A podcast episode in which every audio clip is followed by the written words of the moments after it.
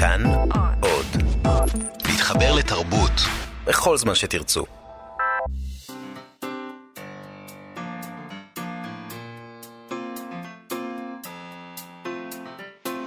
מה שכרוך עם יובל אביבי ומה יעשה לה.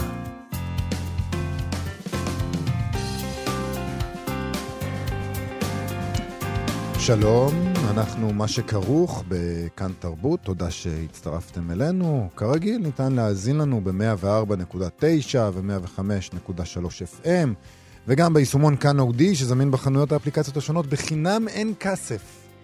פשוט שם for the taking, הושיטו יד וגעו בה, באפליקציה. אה, איתנו באולפן אה, אירה וקסלר ואלעד זוהר שעושים איתנו את ההפקה ואת הביצוע הטכני. שלום לכם ושלום מה יעשה לה. למען האמת הם עושים איתנו את התוכנית, כי את. ההפקה והביצוע הטכני אנחנו הם- לא עושים, לא, הם עושים את זה לבד. עושים. הם עושים את זה לבד. הם עושים את זה לבד. אני אפילו לא תמיד סגור על מה זה אומר, ההפקה והביצוע הטכני. אני די סגורה על זה, אני אסביר לך אחר כך. אה, אנחנו נדבר היום עם יוסי צברי, אומן ספוקן וורד ושחקן, על סדנה חדשה שהוא פותח ללימודי האומנות הזאת. אה, אני חייבת להתוודות, אני מתה על יוסי צברי, בצדק. באמת, מתה עליו. אה, אני אוהבת אותו כי הוא כועס, קודם כל. אה, הוא פוליטי מאוד, והוא לא מפחד. אה, שזה דבר די נדיר בימינו לראות. זה מין משהו כזה שאתה רואה אותו אומר, היי, אה, מה זה? מוזר. נשאל אותו, אבל איך מלמדים להיות את כל הדברים האלה? מה, להיות כועס? איך מלמדים להיות כועס? כן, תראה, אני, אה, אני, אני אתוודה שוב, אני לא מתה על ספוקן וורד. כן. ממה שאני מכירה. כן. אה, אני חושבת שיוסי צברי הוא בין היחידים שאני אוהבת. למה? למה? כי תמיד נראה לי בספוקן וורד שכולם מנסים למצוא חן ולהיות חמודים. הם חמודים כאלה, הם רוצים להיות מצחיקים וחמודים.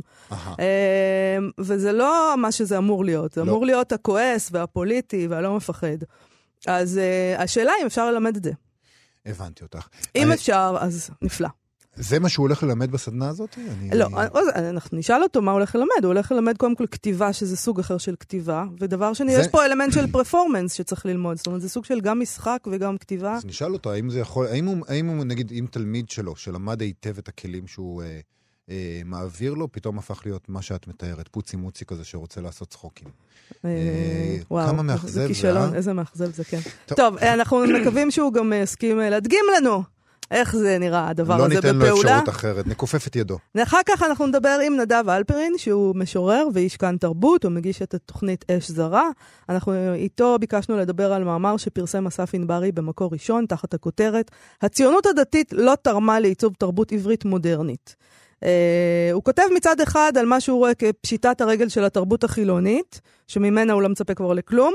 Uh, מצד שני, וזה הנושא של המאמר שלו, הוא לא רואה uh, שהציונות הדתית uh, מצמיחה או הצמיחה תוצרים כלשהם לתרבות העברית. מסכן אה, אסף ענברי, הוא נשאר קרח מכאן ומכאן. אסף ענברי ממשיך בפרויקט הגדול שלו אה, של חיפוש הצופה לבית ישראל בעצם. כן. אתה יודע, הוא, הוא מחפש אה, אבא בעצם. אה, והאמת אבל- היא שכולנו קצת אדיפלים ומחפשים אבא, אני, כן, אני אבל מזדהה. לפעמים קרחת היא פשוט קרחת, אין, אה, אין מה לעשות. נכון. אז אה, הביאו לנו עוד דברים כמובן ככל שנספיק, אז בואו בוא נמהר, יש לנו היום תוכנית מאוד עמוסה, נתחיל עם דוח מולר. Uh, כבר דיברנו פה על החשיבות הספרותית של דוח כן. מולר, uh, אם היא קיימת או לא קיימת. הדוח הזה uh, שניסה לחקור את הנשיא טראמפ, uh, והנה מסתבר שהדוח הזה, uh, שאפשר לקרוא אותו חינם אין כסף, בדיוק כמו שאפשר להוריד את אפליקציית כאן חינם אין כסף. אה, אבל למרות שאפשר לקרוא אותו חינם אין כסף ברשת, הוא עומד לראות אור בפרינט, ולא רק זה, אלא על ידי שלוש הוצאות שונות יוציאו את הדוח. אתה די. בעצם יכול לבחור איזה דוח אה, אתה רוצה לקנות לפי העטיפה. אבל שזה זה יפה. אותו דבר בפנים. הדוח זה דוח, דוח מולר, הוא לא, לא משנים אותו. המו"לים אה, שהודיעו שהם ידפיסו את הדוח, אמרו שהם משוכנעים שיהיה ביקוש גם לעותקים פיזיים של הדוח. הם מדברים על כמות פנטסטית של עותקים שהם הולכים להדפיס. מדהים. אה, מלוויל האוז, שהיו הראשונים להודיע שהם הדפיסו את הדוח ויכרכו אותו, זאת אומרת ספר, הולך לצאת ספר, כן. אה, התכוונו בהתחלה להדפיס 50 אלף עותקים בכריכה רכה, עכשיו מסתבר שהם הדפיסו 200 אלף עותקים. ספר שהוא דוח מולר, והדוח הזה נשלח לחנויות כבר אתמול. ספר ש, שכל אחד יכול, אה, את אומרת, לקרוא בחינם באינטרנט, ב, ב, נגיד בקינדל שלו, או סתם בטאבלט. או במחשב. אתה יודע, לי. יש מחשב רגיל כזה שבו אני קוראת. כן. אתה מכיר את זה? זה מדהים, אבל מיושן כבר, אתה חושב? אני לא יודע, אני חושב שכן. לא, אמרת כאילו- זה מחשב נייד לפחות? או שממש נייח, כאילו... נייח, הוא ממש נייח. וואו, כן. כן, אני לא מחשב מכיר. נייח זה לא קיים כבר? לא מכיר אנשים שיש להם מחשב נייח בבית. אתה רציני? וואו, אני עכשיו מרגישה ממש עתיקה, עתיקות, אבל יכול להיות שפשוט אני מאוד מתקדם. כמובן. זה סביר להניח שזה כן. מה שזה. תשמעי, לא רק הם, גם הוצאת Skyhorse הדפיסה 200 אלף עותקים מדוח מולר. אז כבר יש לנו 400 אלף עותקים כן, בשוק. הגענו ל-400 אלף, והם כבר הזמינו עוד 75 אלף עותקים מהדפוס, לאחר שנמסר להם מהחנויות שרוצים עוד, תנו לנו עוד מהחומר הטוב הזה, הגענו ל-475 אלף עותקים, והם לא סתם הוציאו את זה, יש להם גם הקדמה של אה, עורך הדין אלן דרשוביץ, שזה, כ, זה, כאילו, הנה, זה, זה את זה זה אי אפשר לראות אה, באינטרנט, ולא, נותנים לא, ערך אבל מוסף. הנה, נות- זה הערך המוסף, בדיוק, נכון, יפה. זו המילה שחיפשתי. עוד הוצאה, הוצאת Scribner, שהדפיסה הכי הרבה עותקים, עוד 350 אלף עותקים. אנחנו מגיעים קרוב למיליון כבר בערך, מהמם. 800 אלף, משהו כזה. הם גם הוציאו מהדורה אלקטרונית, אי-בוק של הדוח שאפשר לקרוא בחינם אה, ברשת, הם גם אלה שהגיעו למקום העשירי בחנות רבי המכר של אפל. ובגרסה שהם מפרסמים יש להם גם ערך מוסף, יש ניתוח של הדוח שכתבו עורכי אה, הוושינגטון פוסט. בסקריפט דיווחו שהדוח הזה שהם מציעים חינם אה, ב-PDF נצפה 3.8 מיליון פעמים. זה די הרבה. נכון, זו תופעה באמת מדהימה. אה, אני חושבת שזה מראה משהו על החברה הישראלית אולי דווקא. זאת אומרת, אנחנו מתעסקים בעצמנו, אין מה לעשות.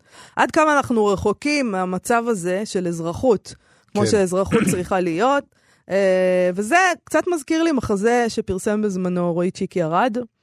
אה, זה היה מחזה שנקרא, קראו לו אנרגיות טובות. הוא לא נכתב על ידי אף אחד, זאת אומרת, אני אומרת, רועי צ'יקי ארד פרסם אותו במעיין, כן. בהוצאה שלו. אה, אבל אה, הוא לא נכתב על ידי אף אחד. מדובר היה בנוסח מקוצר של דיון מספר 320 בוועדת הכלכלה, שהתקיים באוקטובר 2010. אה, יוצרי הטקסט היו בעצם חברי כנסת ולוביסטים שדיברו בדיון הזה. כן.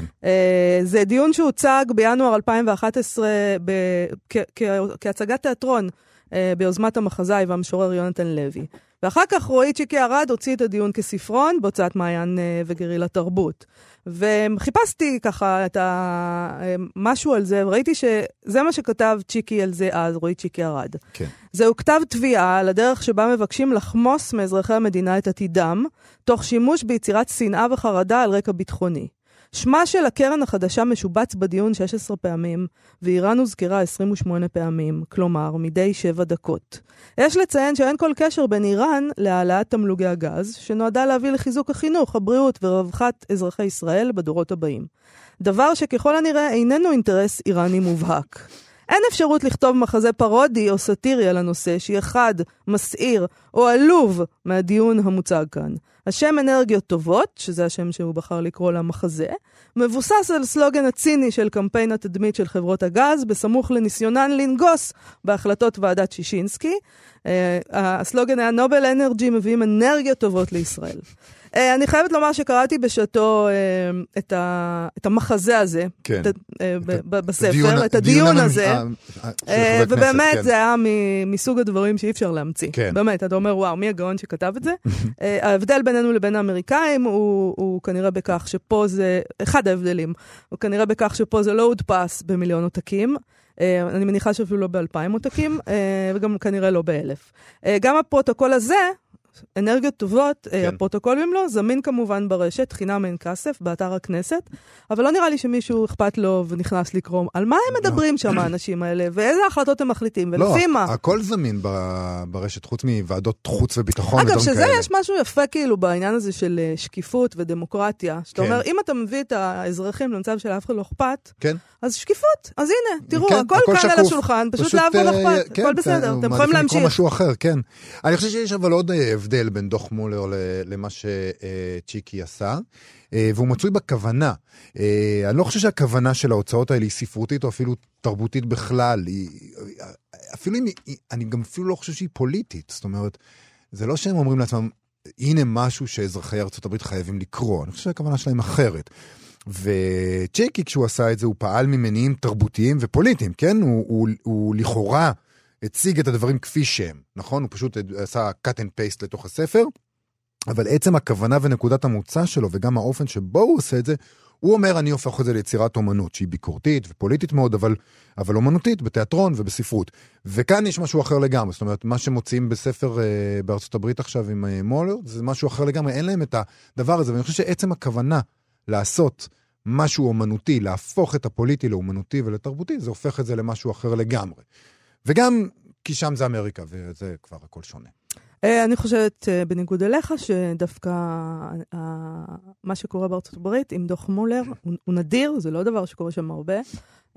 ואני חושבת שלגמרי יש כוונה פוליטית מאחורי הדבר הזה. כן. אין לי שום ספק. זאת אומרת, יש הבדל בין אלה ששמו ניתוח של האורחים של וושינגטון פוסט כהקדמה, mm-hmm. לבין אלה שלקחו את אלן דרשוביץ ושמו נכון. את ההקדמה שלו. זה נכון. זה דברים מאוד מאוד פוליטיים. אתה יכול, אה, אתה יודע, אם אתה אה, שמרן, אז אתה מוזמן לקנות את הדוח של אלן דרשוויץ. כן. זו, ההמלצה שלי. זה נכון, זה כנראה המלצה טובה לקוראינו, למאזיננו האמריקאים. גשו וקנו את אה, אלן דרשוויץ.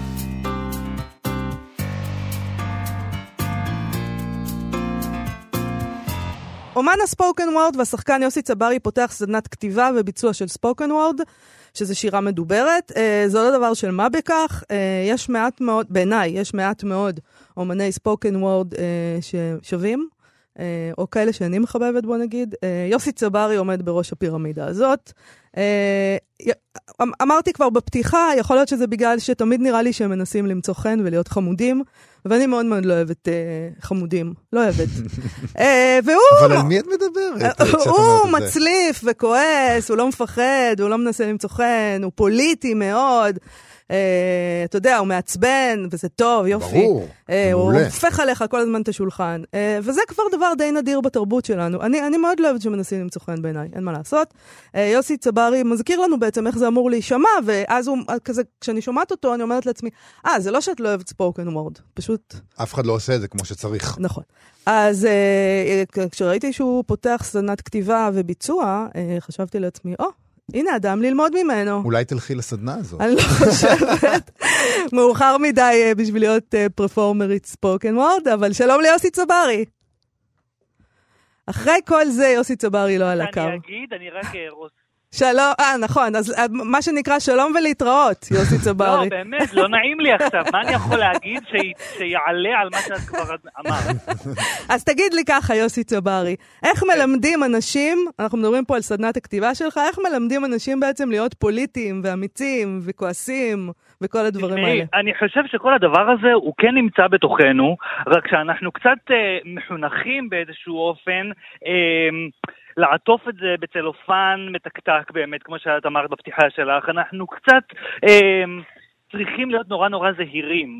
את יודעת, נגיד אה, כשאני כתבתי את, את אחד השירים הראשונים שכתבתי, תרשמירי, שאז דיבר על אה, כל סערת מחמוד דרוויש, כן. שמירי רגב יצאה נגד זה שמשמיעים את מחמוד דרוויש בגלי צה"ל וכולי, ובכלל ברדיו, היא אמרה שאסור להשמיע דברים כאלה. אמ, אז פנה אליי עמית סגל, העיתונאי המכובד, והוא אמר לי, כן, אבל למה לעשות פרובוקציות? ואני אמרתי, חברים, אתם יודעים שכאילו קצת התבלבלנו אה, בין, בין מה זה פרובוקציה ומה זאת מחאה, שכאילו כבר היום מחאה היא צריכה להיות נורא נורא עדינה אמ, ונורא נבלעת בגרון. נכון, ו- נכון. ואני, חוש... ו- ואני אה, חושב שלא, בואו נחזיר את המחאה לפרונט ליין, בואו ניתן לה את הכבוד המגיע לה, בואו נעשה מחאה כמו שמחאה צריכה להיות. את לא רואה את השחורים בארצות הברית אה, מתנחמדים. אה, עזבי את זה, יום אחרי שטראמפ, שטראמפ נבחר, יצאו כאילו עצרות של מיליוני אנשים לרחובות בשביל להביע את המחאה שלהם. זה היה ברור הרי שזה לא שהבחירה עכשיו תשתנה וידיחו אותו ויעשו בחירות נוספות, אבל עצם, ה, עצם אה, קיום קיום האקט הפוליטי הזה הוא משהו שאצלנו בארץ הוא כמעט לא נעשה. זהו, ונגיד אה, כשיש, כשיש מחאה גדולה, וכמו ב-2011, אז המארגנים ממהרים להצהיר, רגע, רגע, אבל זה לא פוליטי, זה לא פוליטי, זה לא פוליטי, זה לא פוליטי, כולנו ביחד. בדיוק, אנחנו כולנו נורא נורא נזהרים. ואמרה את זה הרבה יותר טוב ממני וויסלבה שימבורסקה, כאילו אין דבר שהוא לא פוליטי. כל בחירה שאתה עושה היום היא פוליטית. גם, גם אה, כאילו לשבת על הגדר, זאת, זאת גם בחירה פוליטית. בסופו של דבר, כי אתה רוצה שיבואו להופעות שלך, כי אתה רוצה שישמיעו אותך, כי אתה רוצה שימשיכו לאהוב אותך. ובמדינה של שמונה וחצי מיליון תושבים בקושי, אה, במיוחד אומנים, אה, הם קצת, אה, קצת פוחדים, אתה יודע. אז, כאילו, אז כאילו הפרנסה שלנו על זה מתבססת. בדיוק, זה גם על פרנסה, זה איום רציני. אז חלק ממה שאתה מלמד אנשים זה בעצם לא לפחד? אתה אומר, חלק מהתפקיד שלי כשאני מלמד אנשים לכתוב ספוקן וורד, זה כן. להגיד להם, חבר'ה, אל תפחדו. כן, אני רוצה לתת להם, אני רוצה לאפשר להם איזשהו מרחב בטוח, או אני אומר את זה ואני שומע את עצמי ואני רוצה להקיא, מרחב בטוח. מרחב בטוח. זה כל כך, זה כל כך אשכנזי מצידי להגיד את זה. האחר הוא אני. כמו שבנט אומר, כן, תראי, אני, אבל אני כן רוצה לאפשר לאנשים אה, את, ה, את המקום הזה, שבו הם יכולים להרגיש נוח לצעוק את, את, בדיוק את אשר על ליבם, לא לייפייף את זה, אבל כן לתת לזה איזשהו... אה, אה, אני אתן לזה, אני אגיד לזה, רובד יותר פרפור, פרפורמטיבי. זאת כן. אומרת שאתה תדע להגיד את מה שאתה אומר בצורה שהיא עדיין תהיה זועקת וצועקת, אבל עדיין תהיה מסוגל לשבת, ואתה כקהל תהיה מסוגל לשבת ולהקשיב לה. כי הרבה פעמים באמת כשצועקים עלינו אנחנו קצת נאטמים. אני חושב שאני, סליחה על השחצנות, אבל באמת לא מתכוון, קצת הצלחתי למצוא איזשהו קו מסוים שאני הולך עליו מאוד מאוד בזהירות, שבו, אתה, שבו אני גם נותן בראש, כמו שאת אומרת, הופך את השולחן, אבל גם גורם לך להש... להישאר לשבת. אחרת. אולי את, אולי את זזה וזעה בחוסר נוחות במקום, אבל את נשארת להקשיב, האוזניים שלך עדיין נפתחות, וזה אפילו משהו שאת הולכת איתו אולי אחר כך קצת הביתה. כן. אה, ונראה לי שלמצוא את המקום הזה, את הקו הזהיר, את הקו, את הקו הזהיר הזה, זה איזשהו משהו שאני מנסה להעביר בסדנאות שכבר העברתי, וגם בסדנאות שאני עושה עכשיו. אה, שתספר לנו קצת עליהם כן, אולי, מה, איפה הסדנה, על מה מדובר, איך זה מתבצע. אז יש, יש מקום מקסים שנקרא בית הבאר, שזה מקום ש, שמסתבר שהוא שייך לעיריית תל אביב, ואני לא הכרתי אותו עד לא מזמן, הוא, די, הוא נפתח גם ממש לפני כמה חודשים, זה בסלמה 6. אה, ממש סלע מפינת אה, שדרות ירושלים כזה, זה מקום יפהפה, מין בניין ערבי עתיק ששחזרו אותו אה, במסגרת הג'נדריפיקציה של יפו. כן. ואני, ואני משתף פעולה עם הג'נדריפיקציה, אני... את מבינה? הנה הקו הזה שדיברתי עליו, אני גם פה וגם פה. אז שם זה מתקיים הדבר הזה. שם זה מתקיים, זה מקום יפהפה, ויש שם גם במה, ויש שם... אה, זאת אומרת, אפשר גם ללמד שם כתיבה וגם לעשות, את ה, אה, לעשות שם ההופעות של ספוקן וורד, והשיעור האחרון של הסדנה הוא יהיה שיעור שבו כל המשתתפים אה, יזמינו את האורחים שלהם, את המשפחות שלהם, את החברים שלהם, ויעלו ויעשו את הקטעים האלה בפני קהל. שזה המבחן האמיתי, זאת אומרת, הרבה פעמים אנחנו אומרים לעצמנו, כן, יום יבוא ואני אופיע, יום יבוא ואני אכתוב, יום יבוא ואני אעשה את זה. אני אומר, לא, אל תחכה ליום הזה שיבוא, תעשה את זה עכשיו. תכתוב עכשיו, ואת מה שאתה כתבת, אחרי שאתה עובד עליו, אחרי שאתה מרגיש שלם ואתה עומד מאחוריו במאה אחוז, תעלה לבמה ופאקינג תגיד את זה. אל תתבייש, אל ומה, תחכה, אל תדחה. מה אתה עושה עם תלמיד שניסית ללמד אותו ככה להוציא את הזעם ו- ו- ולשחרר את זה, והוא לא מצליח, הוא נשאר נחמד, והוא מגיע למופע הזה עם איזה פוצי מוצי כזה. מה עושים? אולי יש שם אלכוהול במקום, אפשר לשתות. לא, ותן לנו איזה טיפ, כאילו, אולי טיפ אחד מתוך, לא, את, לא כל הסודות. לא, לא, תאמר לי רגע, אתה, אה, אני בטוח שאפילו שאתה נשמע איש מקסים ונחמד, אני בטוח שאתה איש מקסים ונחמד, יש בך כעס, יש בך זעם על דברים שקורים, על תופעות שאתה רואה, ואני בטוח שאם אנחנו נשב, אתה ואני, ואני אחפור קצת, קצת, לא, אפילו לא יותר, אני אגלה לא טיפה את המשטח, כן. אני, אני, אני אזהה ואני אגלה שיש שם איזשהו משהו. בטוח. אז, נכון? אז, אה, אז בואו נתחיל באיזשהו תרגילים, אני אתחיל עם, עם החבר'ה, בתרגילים טיפה לשחרר את הבושה הזאת ואת החשש הזה מלהגיד, אה, מלהגיד את הדבר הזה, מלה, מלהגיד אה, מילים גסות, מ, מלהיות עילג קצת. אנחנו כולנו גם רוצים, אתה יודע, יש לנו אילנות נורא גבוהים להתעלות בהם. בין, עזבו רגע משוררי ספוקן וורד, בואו נלך אפילו על משוררים רגילים. כן. אני מפחד, אני עד היום, אני, עם כל מה שעברתי מאחוריי, אני מפחד לקרוא לעצמי משורר. אני מפחד לקרוא למה שאני כותב שירה או שירים. אני, כש, כש, כשמזמינים אותי ואומרים, המשורר יוסי סברי, אני נורא נזהר ואני ישר מסייג את זה, כי גם אני כאילו לא מצאתי את המקום הזה של של להתהדר בתואר הזה. אנחנו נתלים באילנות נורא נורא גבוהים, ואני אומר, או אתה יודע מה, אוקיי, בוא תהיה עילג לידי, בוא תהיה, בוא, בוא תגיד את כל מה שאתה רוצה לומר בצורה הכי פשוטה ורדודה ו- ו- ועלובה, ואני מבטיח לך שאם אתה ואני נעבוד ביחד, אם אתה תגיד את הדברים האלה כמו שאתה רוצה להגיד אותם, ואנחנו נסדר את זה במבנה נכון, ואנחנו אה, ניתן לך את הכלים אה, אה, להביע את הקול שלך, literally את הקול שלך, זאת אומרת, יהיו גם תרגילי משחק, וגם תרגילי פיתוח הקול, אה, כי חלק מהאומנות הזאת של להעביר את, ה, את, ה, את הקטעים הללו, הנה אתה רואה, אני נזהר מלומר שירים, את הקטעים הללו, זה יהיה, זה יהיה כי אתה צריך להיות, כי אתה צריך להיות ה performer, כי אני לא רוצה לתת את זה למישהו אחר שיקרא את, את השיר שלך. אני לא רוצה לקרוא שיר של לאה גולדברג או של נתן אלתרמן, אני רוצה לשמוע אותך קורא את השיר שלך, כי רק אתה יכול להביע את זה בצורה הכי נכונה לך,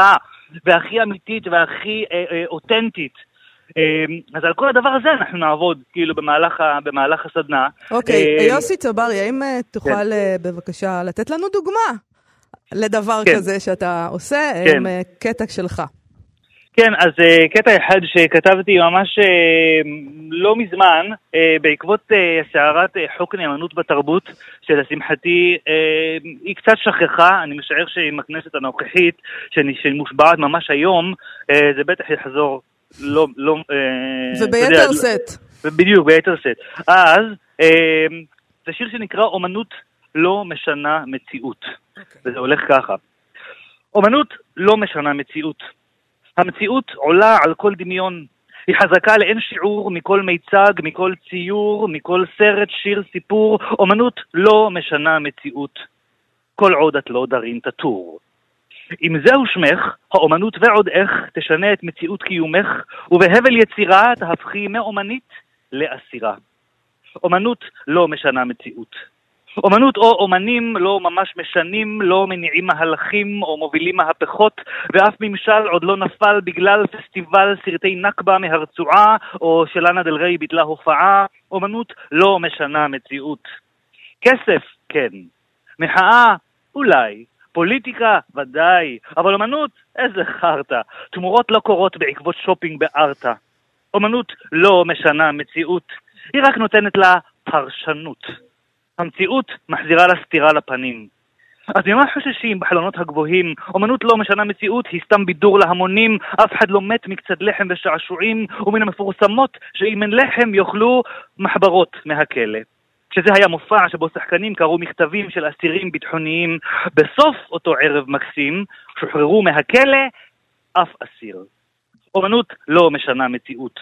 אומנות התקומם עמי, התקומם נגדם, אומנות משורה משחרר רק המוות, אומנות אני אחמד אתקע בך גרזן, אומנות לא משנה מציאות, היא רק עושה פרצופים שכן, אומנות מחכה, מעתיקה, היא מציקה בלי להתחשב, תנו לה צ'אנס, היא שרה מהלב, מי ימלל גבורות ישראל, אותן מי ישכתב, אומנות לא משנה מציאות.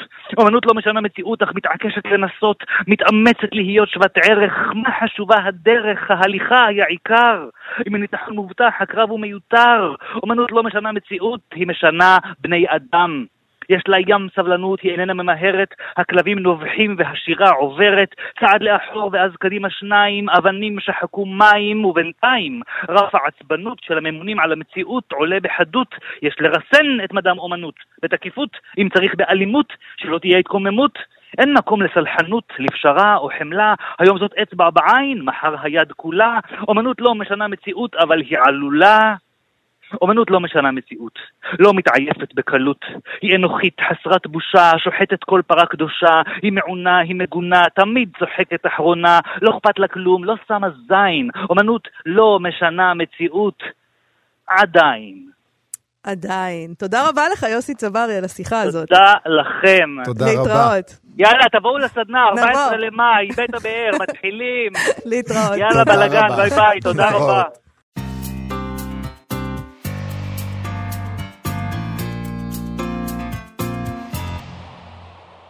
חזרנו, ואיתנו באולפן המשורר נדב אלפרין, איש כאן תרבות, מגיש התוכנית אש זרה. שלום נדב. שלום יובל ומאיה. שלום, שלום. ביקשנו לדבר איתך על טקסט שפרסם אסף ענברי, הסופר אסף ענברי, בעיתון מקור ראשון. אה, רק נגיד שאנחנו ביקשנו לדבר עם נדב אה, גם כי הוא משורר, ומעניין אותנו דעתו, אבל גם הוא בשר מבשרה של הציונות הדתית. נכון. וזה והמ... גם חשוב המאמר פה. הזה, אה, במקור ראשון של אסף ענברי, מאמר שתוקף בעצם את הציונות הדתית על שלא השכילה להצמיח מתוכה אנשי תרבות משפיעים ויצירות תרבות שהשפיעו אה, על איך שנראית תרבות במדינת ישראל.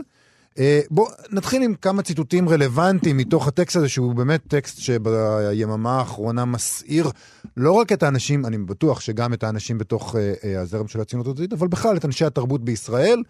אה, תכף... אה, כוס התה של, הפייס, של הפייסבוק הספרותי עולה על גדותיה. בדיוק, יש פה סערה בכוס תה, הכל משתולל. אז בואו נקריא את זה. ככה הוא, הוא כותב. התרבות החילונית שרויה במשבר עמוק. רק חילונים שעדיין לא תפסו זאת עשויים להתנשא על הציונות הדתית. הדברים שיאמרו כאן אינם באים אפוא לנגח את הציונות הדתית, אלא להזכיר לה את הכוחות התרבותיים הגנוזים בה, מתוך הערכתה כתנועה שעוצמתה הרוחנית הייתה אמורה לבוא מזמן לידי ביטוי במקומותינו, ולא רק במקומותיה. כגודל הציפייה, הוא כותב כך, גודל התמיהה, שכן יש פער כמעט בלתי נתפס בין מידת השפעתה של הציונות הדתית על הפוליטיקה הישראלית לבין מידת השפעתה על התרבות הישראלית. מבחינה פוליטית, הציונות הדתית היא התנועה הקובעת את סדר יומה של מדינת ישראל ב-40 השנים האחרונות. מבחינה תרבותית, היא כמעט בלתי מורגשת. היא לא מדע, מילאה עד כה שום תפקיד בעיצובה של התרבות העברית המודרנית. לא בדור התחייה, ולא בתקופת היישוב, ולא בדור המדינה, ולא בדורנו. אם יש לציונות הדתית מה להציע לתרבות החילונית שאיבדה את דרכה, סודה שמור עימה. תרומתה לספרות הישראלית קלושה, ותרומתה לשאר שטחי האומנות הישראלית אפסית למעשה. והוא ממשיך וכותב, הציונות הדתית לא הצמיחה אף סופר או משורר בעל נוכחות מרכזית בספרות הישראלית, מלבד אלה שעזבו אותה, כמו חנוך לוין או חיים באר. חוקרי הספרות היחידים שיכלו לשנות זאת התקבצו בגטו המגזרי של אוניברסיטת בר אילן, ולכן אין להם שמץ מן ההשפעה שיכלה להיות להם אילו לימדו בשאר האוניברסיטאות. קנון הספרות הישראלית הוכתב בלעדיהם, כשברוך קורצווייל, שלא היה כשלעצמו איש הציונות הדתית, אלא ליברל חובש כיפה, ייסד את המחלקה לספרות עברית באוניברסיטת בר אילן, והוא מוכתב בלעדיהם מאז ועד היום. אה, אגב, זה, זה, זה כאן אנחנו נגיע לדבר אחר כך על ההבחנות האלו שהוא עושה, בדיוק. כן?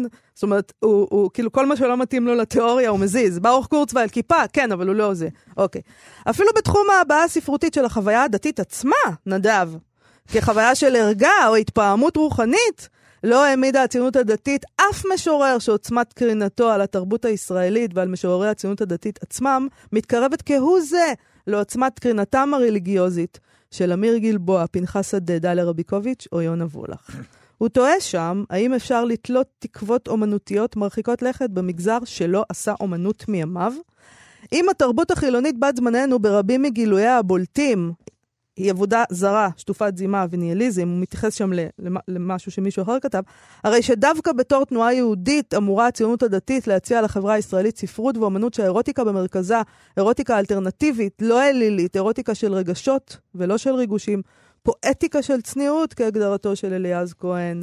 וזה ממשיך, אנחנו נדבר עוד על הטיעונים שלו. אה, שלום לך שוב, נדב. שלום, שלום. אלפרין, אה, אתה רוצה לומר משהו להגנתך? טוב, אולי נתחיל בתגובות למאמר אני... הזה במגזר? אז אני באמת אתחיל uh, בתגובות, כי uh, מסביב uh, יהום הסער של צוקרברג, ובאמת המגזר שלי מת, מתעסק בזה, ורק לפני שנכנסתי כאן לאולפן, uh, בפלאפון ראיתי עוד איזושהי תגובה שמישהו uh, uh, כתב למאמר הזה, ו... ומתוך התגובות אפשר לדעת מהן ההסתייגויות המתבקשות. מפני שיושב פה אדם שאתם הטחתם בו את ההאשמה הזאת, והוא נוטה אה, לרדת על ברכיו ולהסכים לה. אוקיי. Okay. על, על כן, אה, אז אני אפתח בהסתייגויות כדי אח, אחר כך, אה, בסופו של דבר... להסביר למה אתה מסכים. למה אני מסכים. בבקשה. ההסתייגויות, קודם כל, אה, אני אסכם אותם במשהו שמישהו אמר, אסף ענברי טוען שהציונות הדתית לא הולידה מתוכה יצירה תרבותית בעלת ערך. מה זו בכלל יצירה תרבותית, איך נראית יצירה תרבותית בעלת ערך, ומה זה לעזאזל הציונות הדתית.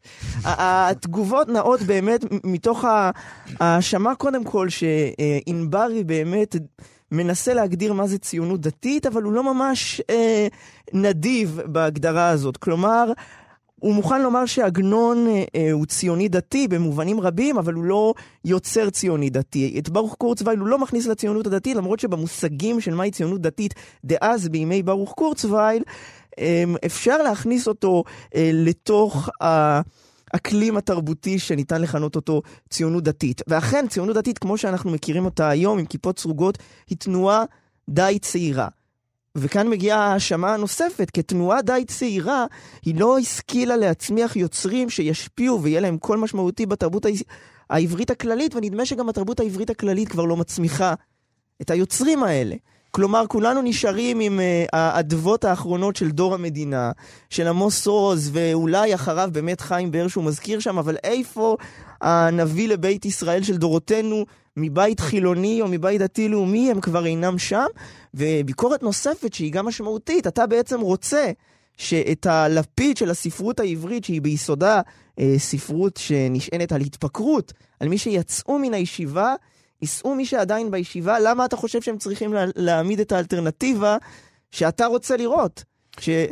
וגם, וגם אה, אה, אה, אתה הזכרת את זה בעצם, אתה, כל דוגמא, אנחנו יכולים לחשוב על עוד דוגמאות של דברים כאלה, הוא מזכיר שם את חבורת משיב הרוח וכולי, שירה שצומחת מתוך הציונות הדתית, רק כדי לא לבטל...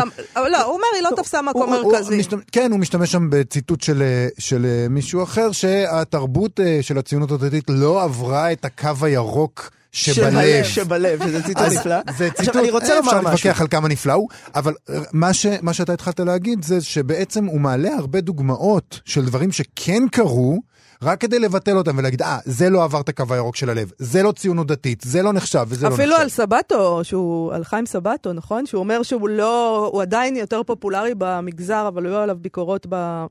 צוננות, צוננות, צוננות. אגב, יכול להיות שזה נכון, אבל הבן אדם הזה זכה בפרס ספיר. נכון. תראה, גם, לא גם משוררים שאפשר להזכיר, אה, המשורר שעורך את המוסף שבתוכו אה, פורסם המאמר הזה, אלחנן ניר, זכה להכרה, לפרסים, המשוררת בקול סרלואי מקבלת פרסים, גם היא משוררת דתית לאומית, סיוון הרשפי זוכה להערכה גדולה. כאן אפשר אבל אה, לומר שתי הסתייגויות, באמת אלחנן ניר הוא היום אה, כמעט נמצא על כל מדף אה, ספרים של חובבי שירת דתיים לאומיים, אבל הוא באמת לא אה, יצר לעצמו את הבאז שקיים היום בעיקר בפייסבוק, הוא בכלל לא נמצא בפייסבוק סביב משוררים כמו נועם פרטום או אה, רועי חסן. אה, ומצ, ומצד שני באמת, גם השירה היא לא באמת לא משם תבוא הישועה. כאילו, מי קורא שירה היום? מי קורא שירה היום? חילונים או דתיים, מי קורא את זה? אבל כאן אני צריך לומר למה בסופו של דבר, אולי, אם מותר לי, להגיע לסיבה שבשלה אני אה, מסכים... אתה מסכים איתו, בבקשה. הסכמה עמוקה בסופו של דבר אה, עם ענברי. אני חושב שאנחנו חיים היום בעולם אה, שניסחתי אותו בעבר באיזשהו סימפוזיון כזה של יצירה דתית-לאומית לאן, שעולם ספרותי, עולם תרבותי, שמורכב מגדמים ומפסחים. זה ההגדרה, אנחנו או גדמים או פסחים. Okay. אוקיי. הפסחים הם אלו שאין להם רגליים. כשברגליים אני מתכוון לכל אותה היסטוריה עשירה של יצירה בשפה העברית, שאפשר באמת להתחיל אותה החל מהכתבים שמכונים כתבי קודש, התנ"ך, ו- ו- ו- ובדרך כל היצירה התלמודית, המשנה, דרך היצירה ההלכתית, ועד באמת לראשית אה, ההשכלה, כל הספרות הזאת היא ספרות שהיום רחוקה מאוד מחלקים גדולים בציבור הישראלי, עד כדי כך שכשהם אה, יקראו סופרים כמו עגנון או אה, י"ח ברנר, הם יפספסו כל כך הרבה רמזים תרבותיים, שזה יהיה כמעט אה, עוול. הקריאה הזאת היא כמעט תהיה, תהיה קריאה של לעשות עוול למקור, אבל אפילו לא שם. כלומר, אפילו דליה רביקוביץ', או יאיר הורוביץ, או פנחס שדה, אתה לא באמת יכול לקרוא אותם, אתה לא יכול לקרוא אה, שיר אה, של אה, דליה רביקוביץ', שהיא מדברת בו על דברים שיש להם שיעור. אם אתה לא מבין את הריפרנס למשנה שמדברת על דברים שאין להם שיעור, אחד השירים המפורסמים ביותר של דליה רביקוביץ', שמאבד כל כך הרבה אה, מהניסיון שלו לומר משהו על לב האדם דרך ההתייחסות למשנה, אבל צריך עובד. להגיד, זה, זה דבר שאנחנו טוענים לא פעם, אבל צריך להגיד גם את הצד השני של העניין הזה, שזה תמיד היה ככה, זאת אומרת, זה לא שכשדליה רביקוביץ' אה, כתבה, אז זה היה שונה. אז באותה תקופת אור, שכולנו קיבלנו חינוך נהדר וכל לא, מקורות... לא, לפני קום המדינה זה בוודאי לא היה ככה, כי כזאת, אנשים תרבות, באו מכל מיני מקומות, ובדרך כלל למדו... ספרות תמיד היו אה, שייכות לאיזושהי שכבה מאוד לא מאוד צרה, שקיבלה השכלה טובה. היה מצע תרבותי כזה התרבות, שאנשים הבינו. התרבות העברית, כפי שאנחנו מכירים אותה היום, השירה העברית החדשה, הספרות העברית החדשה, עוצבה בידי מה שהיום אנחנו מכנים דתל"שים באופן מובהק. אנשים נכון. שהחלו בישיבות, יצאו משם, כמעט כל שם שתזרוק לי, שמות שאנשים לא יודעים שהיו כאלה, כן. היו כאלה. ואתה רואה... אולי מהם, מהם אה, תבוא גאולה גם בעניין הזה, עכשיו, זאת אומרת, מדתל"שים. עכשיו באמת... כי ב... הוא, הוא מסביר פה, אסף ענברי בעצם בטקסט הזה, למה זה לא יכול זהו, לקרות בציונות הדתית. לשם אני שואף. בעצם אסף ענברי רוצה להחזיר את הדתל"שים להיות השולטים בכיפה של התרבות העברית. מפני שלהם יש את הרגליים האלה.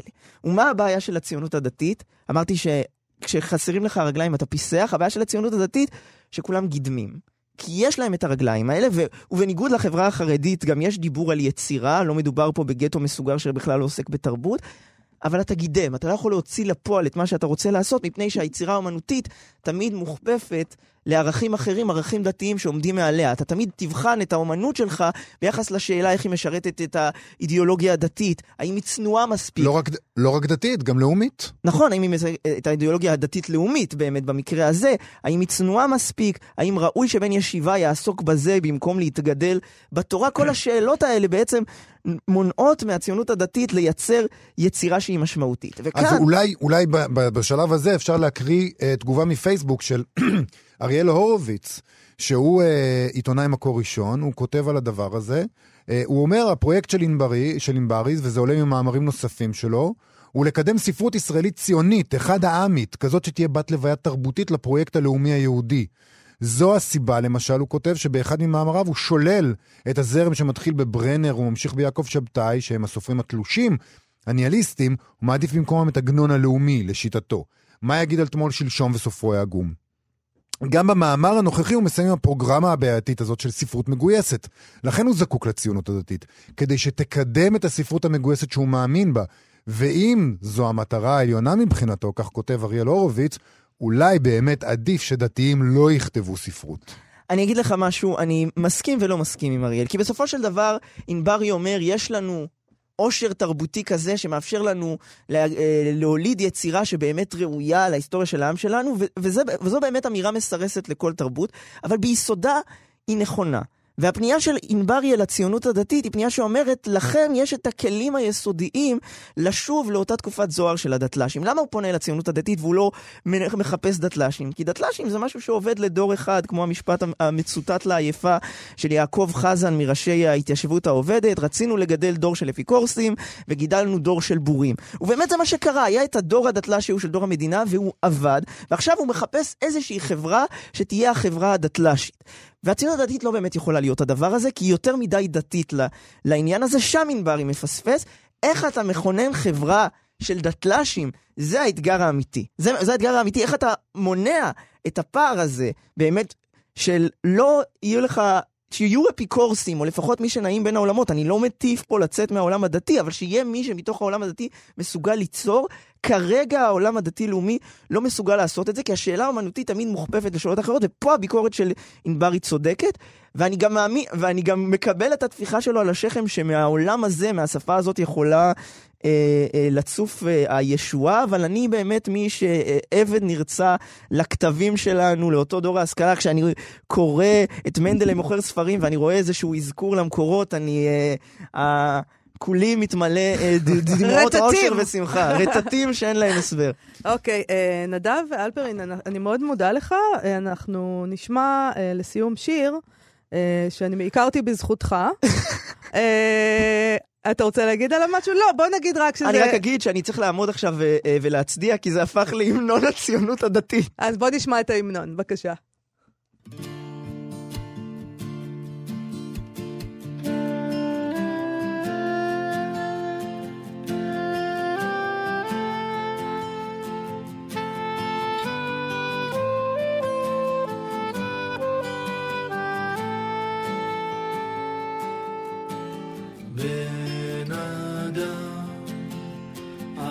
alem al alem Al alem al alem ben adam Al alem al alem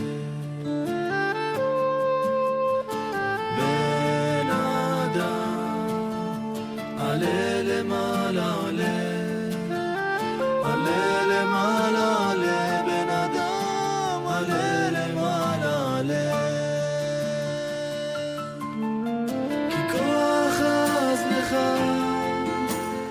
יש לך כנפי רוח, יש לך כנפי רוח, כנפי שערים אבירים, אל תיקח אש בעם, פן יכחשו לך, בראש אותם בראש בן אדם, וימצאו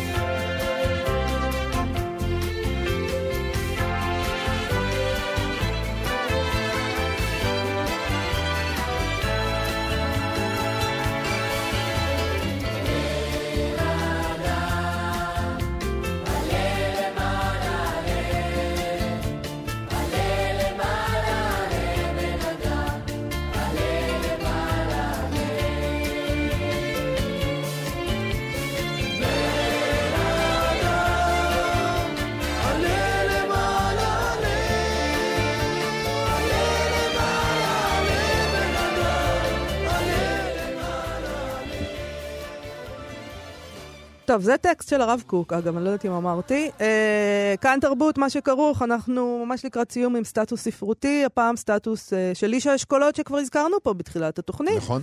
המשורר, הסופר, עורך כתב העת מעיין, והעיתונאי, והמוזיקאי, רועי צ'יקי ארד. אכן. אה, צ'יקי כותב על האומן, פסח סלבוסקי, שנפטר אה, אה, לפני כמה ימים.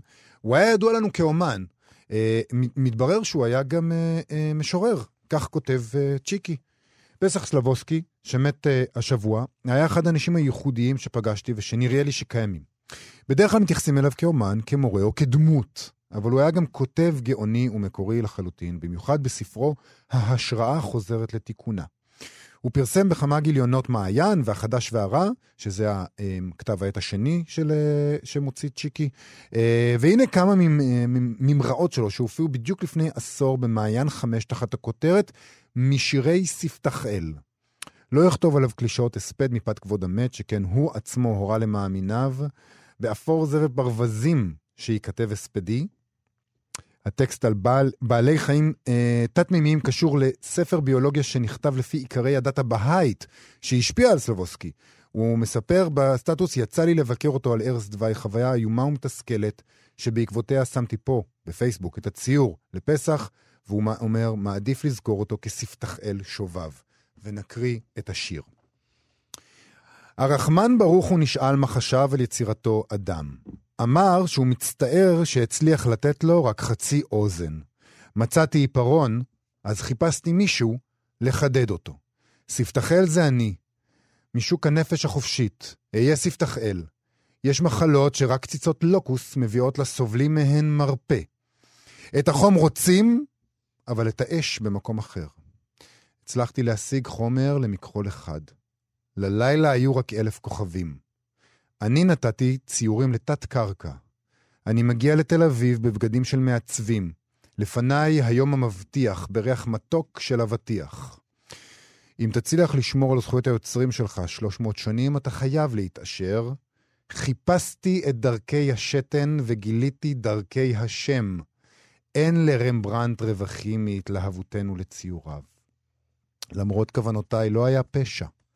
ההתחייבות להתמודד בפלוצים שלך וגם שלי תישאר פחות מבלתי מוגבלת. השמיים בני פענוח כסדרת משולשים. אין דמויות משניות, אין אותו. נמלה רוקדת, חרקי. הייתי פעם קליבר. חשוב לזכור שבבורות הים, שעמוקים מ-900 מטר, מבור אחד למשנהו, חיים בעלי חיים שונים לח... לגמרי.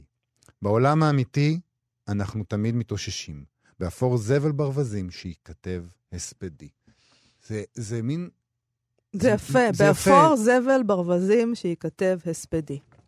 זה יפה מאוד, וזה פסח סלובוסקי. ואנחנו, הגיע זמננו לסיים, אנחנו נהיה פה שוב מחר, באותה שעה, 12. תודה רבה לעירה וקסלר ואלעד זוהר שעשו איתנו את התוכנית. כאן עוד. להתחבר לתרבות בכל זמן שתרצו.